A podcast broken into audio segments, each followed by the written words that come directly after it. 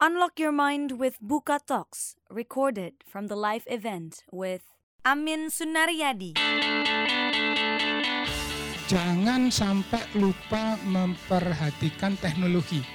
Teknologi berkembangnya seperti apa? Nah, itulah yang dipakai. Let's join the talk. Terus terang saya senang sekali karena bagi saya untuk diskusi hal-hal yang terkait dengan pemberantasan korupsi ini kesukaan saya. Saya uh, hidup mengalami banyak karir, karirnya nggak begitu jelas.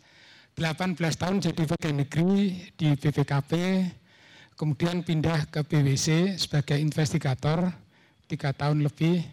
Tiba-tiba masuk jadi pimpinan KPK 4 tahun, kemudian enam bulan di PPATK, terus di Bank Dunia 4 tahun lebih sedikit, kemudian masuk ke EY sebagai partner investigation juga. Tiba-tiba masuk ke SKK Migas yang ya kerjanya beginilah. Jadi kerjanya meriksa uh, ngawasi rig pemboran minyak, kemudian uh, diskusi dengan orang-orang di lapangan. Kemudian enggaknya juga dengan teman-teman di lapangan biar dikirain ngerti gitu.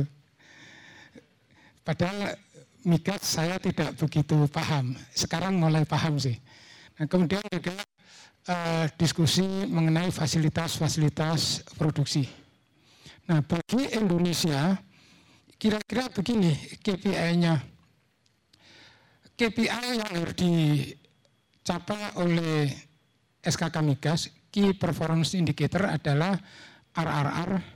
Artinya kalau dari cadangan minyak kita ngambil 100, maka kita harus bisa menemukan cadangan baru sebesar 100. Nah sekarang sudah tercapai eh, 188 persen.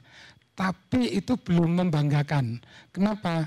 Karena konsumsi BBM kita itu 1,6 juta barrel per day, sementara produksi minyak dalam negeri hanya 780 ribu barrel per day. Dari 780 ribu barrel ini kira-kira yang punya haknya pemerintah cuma 400 ribu, 450 ribu barrel per day. Jadi sekitar 1,2 juta barrel per day minyak mentah dan BBM harus diimpor. Nah itulah kenapa Indonesia sangat uh, ringkih menghadapi perubahan harga minyak. Begitu harga minyak naik, maka agak goyang. Sekarang rupiah berapa? Eh sorry bukan rupiah, dolar. 14 ribu lebih kan. Nah kita tidak kuat di situ karena produksi minyak dalam negeri kita terlalu rendah sehingga kita impornya terlalu tinggi. Nah, KPI kedua adalah lifting minyak dan gas. Jadi minyak dan gas berapa yang bisa di lifting? Lifting itu artinya sudah bisa diproduksikan dari bawah tanah, kemudian bisa dijual. Nah, capaiannya juga kurang meyakinkan. Sekarang baru tercapai 95 persen dari target 2 juta barrel per day minyak dan gas. Kemudian kita juga mengalami problem infrastruktur gas. Kita punya gas banyak di Kalimantan Timur, di Papua, di Tangguh, kemudian di Sulawesi Tengah, di Luwuk. Konsumen utama di Jawa, Sumatera, Bali, tapi membawa gas dari Kaltim, dari Luwuk maupun dari Papua ke Jawa tidak mudah karena infrastrukturnya belum terbangun. Nah, infrastrukturnya harus apa? Harus berbentuk LNG yang dibawa melalui kapal, menggunakan kapal. Kemudian saya lihat kita sebagai negara yang punya laut banyak, negara maritim, kekuatan kapal kita sangat kecil.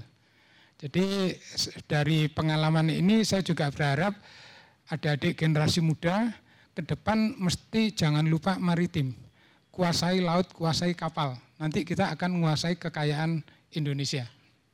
Ini yang saya lihat dari pengalaman sebagai kepala SKK Migas.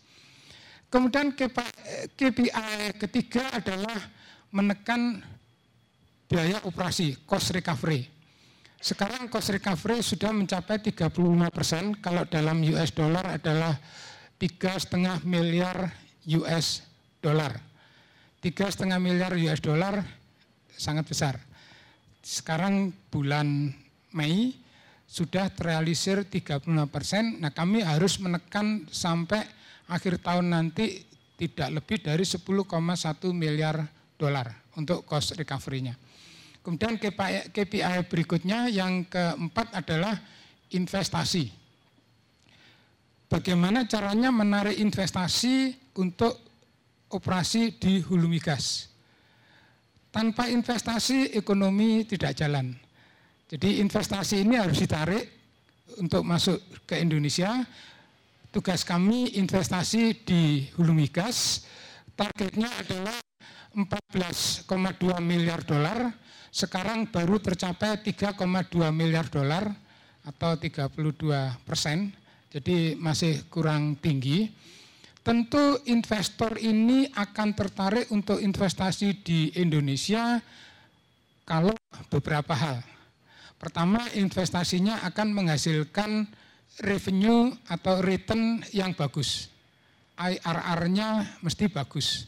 Bukan soal Indonesia bagus, tapi adalah bagaimana bersaing dengan negara-negara lain. Investor kalau berinvestasi di Indonesia IRR-nya berapa? Kalau dia berinvestasi di Vietnam IRR-nya berapa? Kalau dia investasi di Angola berapa? Kalau investasi di Rusia berapa? Nah ini kita harus perhatikan.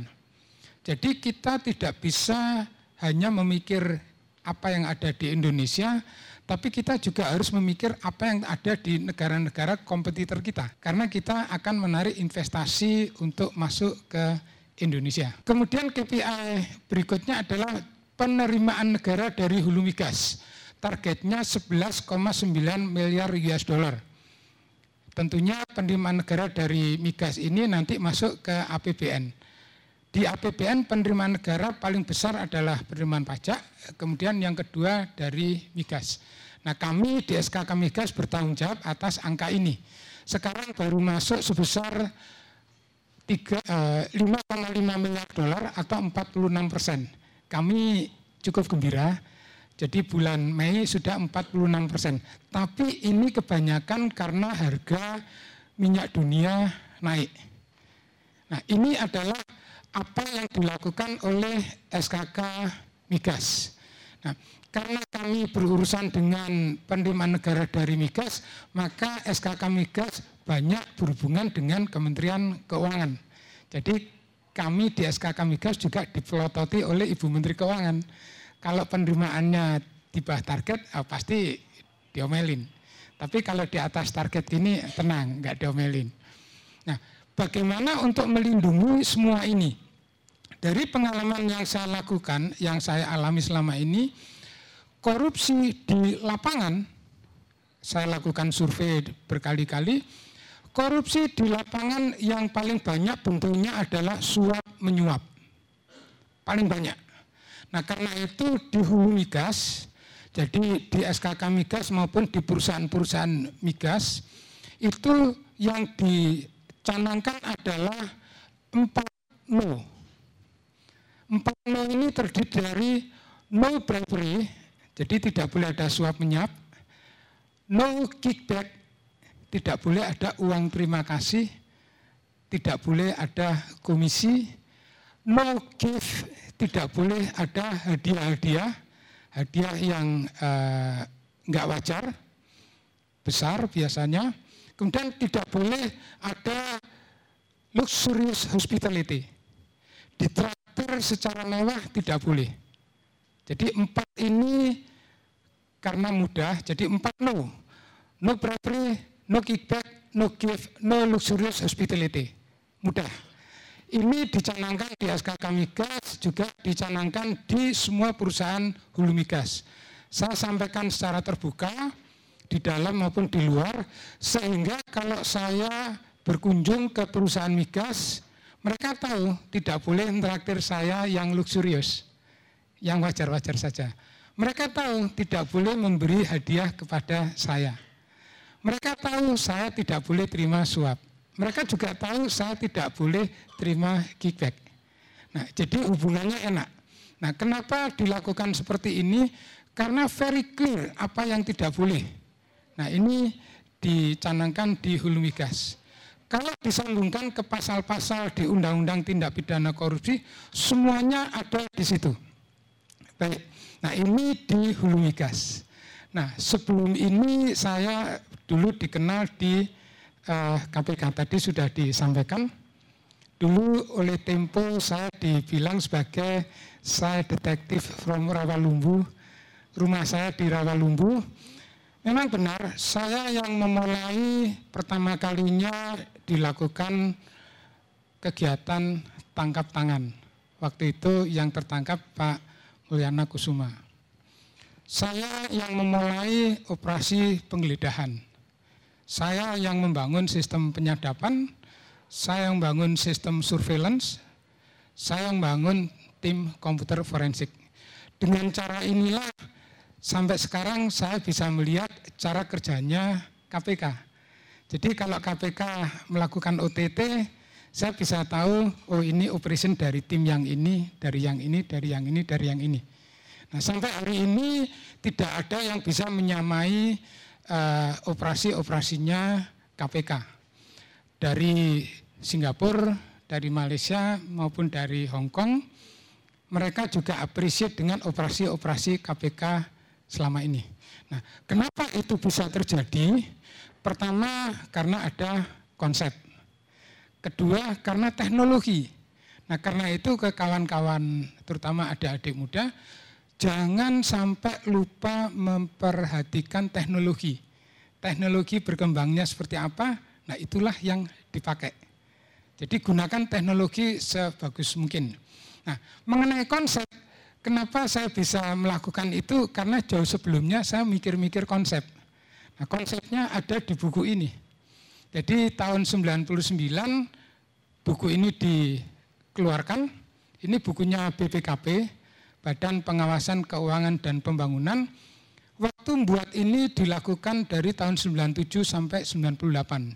Detail-detail mengenai korupsi, eh, tipologinya, modusnya, di mana terjadinya, dianalisis dari sini, kemudian juga dipelajari bagaimana cara-cara memberantasnya. Jadi secara kebetulan setelah buku ini selesai, beberapa tahun kemudian tiba-tiba saya jadi salah satu pimpinan KPK, jadi di kepala saya langsung tahu apa yang harus dibangun, apa yang harus disikat. Jadi empat tahun cukup untuk membuat uh, fondasinya, sudah berjalan, kemudian di kegiatan saya yang lain saya tetap menggunakan konsep-konsep yang di sini. Nah, jadi yang saya alami adalah kita harus punya konsep, kemudian kita harus lihat teknologi mana yang cocok untuk dipakai, kemudian kita harus konsisten. Konsisten dulu kita memberantas korupsi, sekarang kita memberantas korupsi, masa depan kita juga harus memberantas korupsi. Karena itu di SKK Migas walaupun KPI saya macam-macam, tetap saya mencegah korupsi di industri hulu migas. Karena apa? Kalau korupsi di industri di industri hulu migas bisa ditekan, maka KPI saya akan lebih mudah tercapai. Kalau korupsinya tidak dikendalikan, mencapai KPI-nya juga akan sangat susah.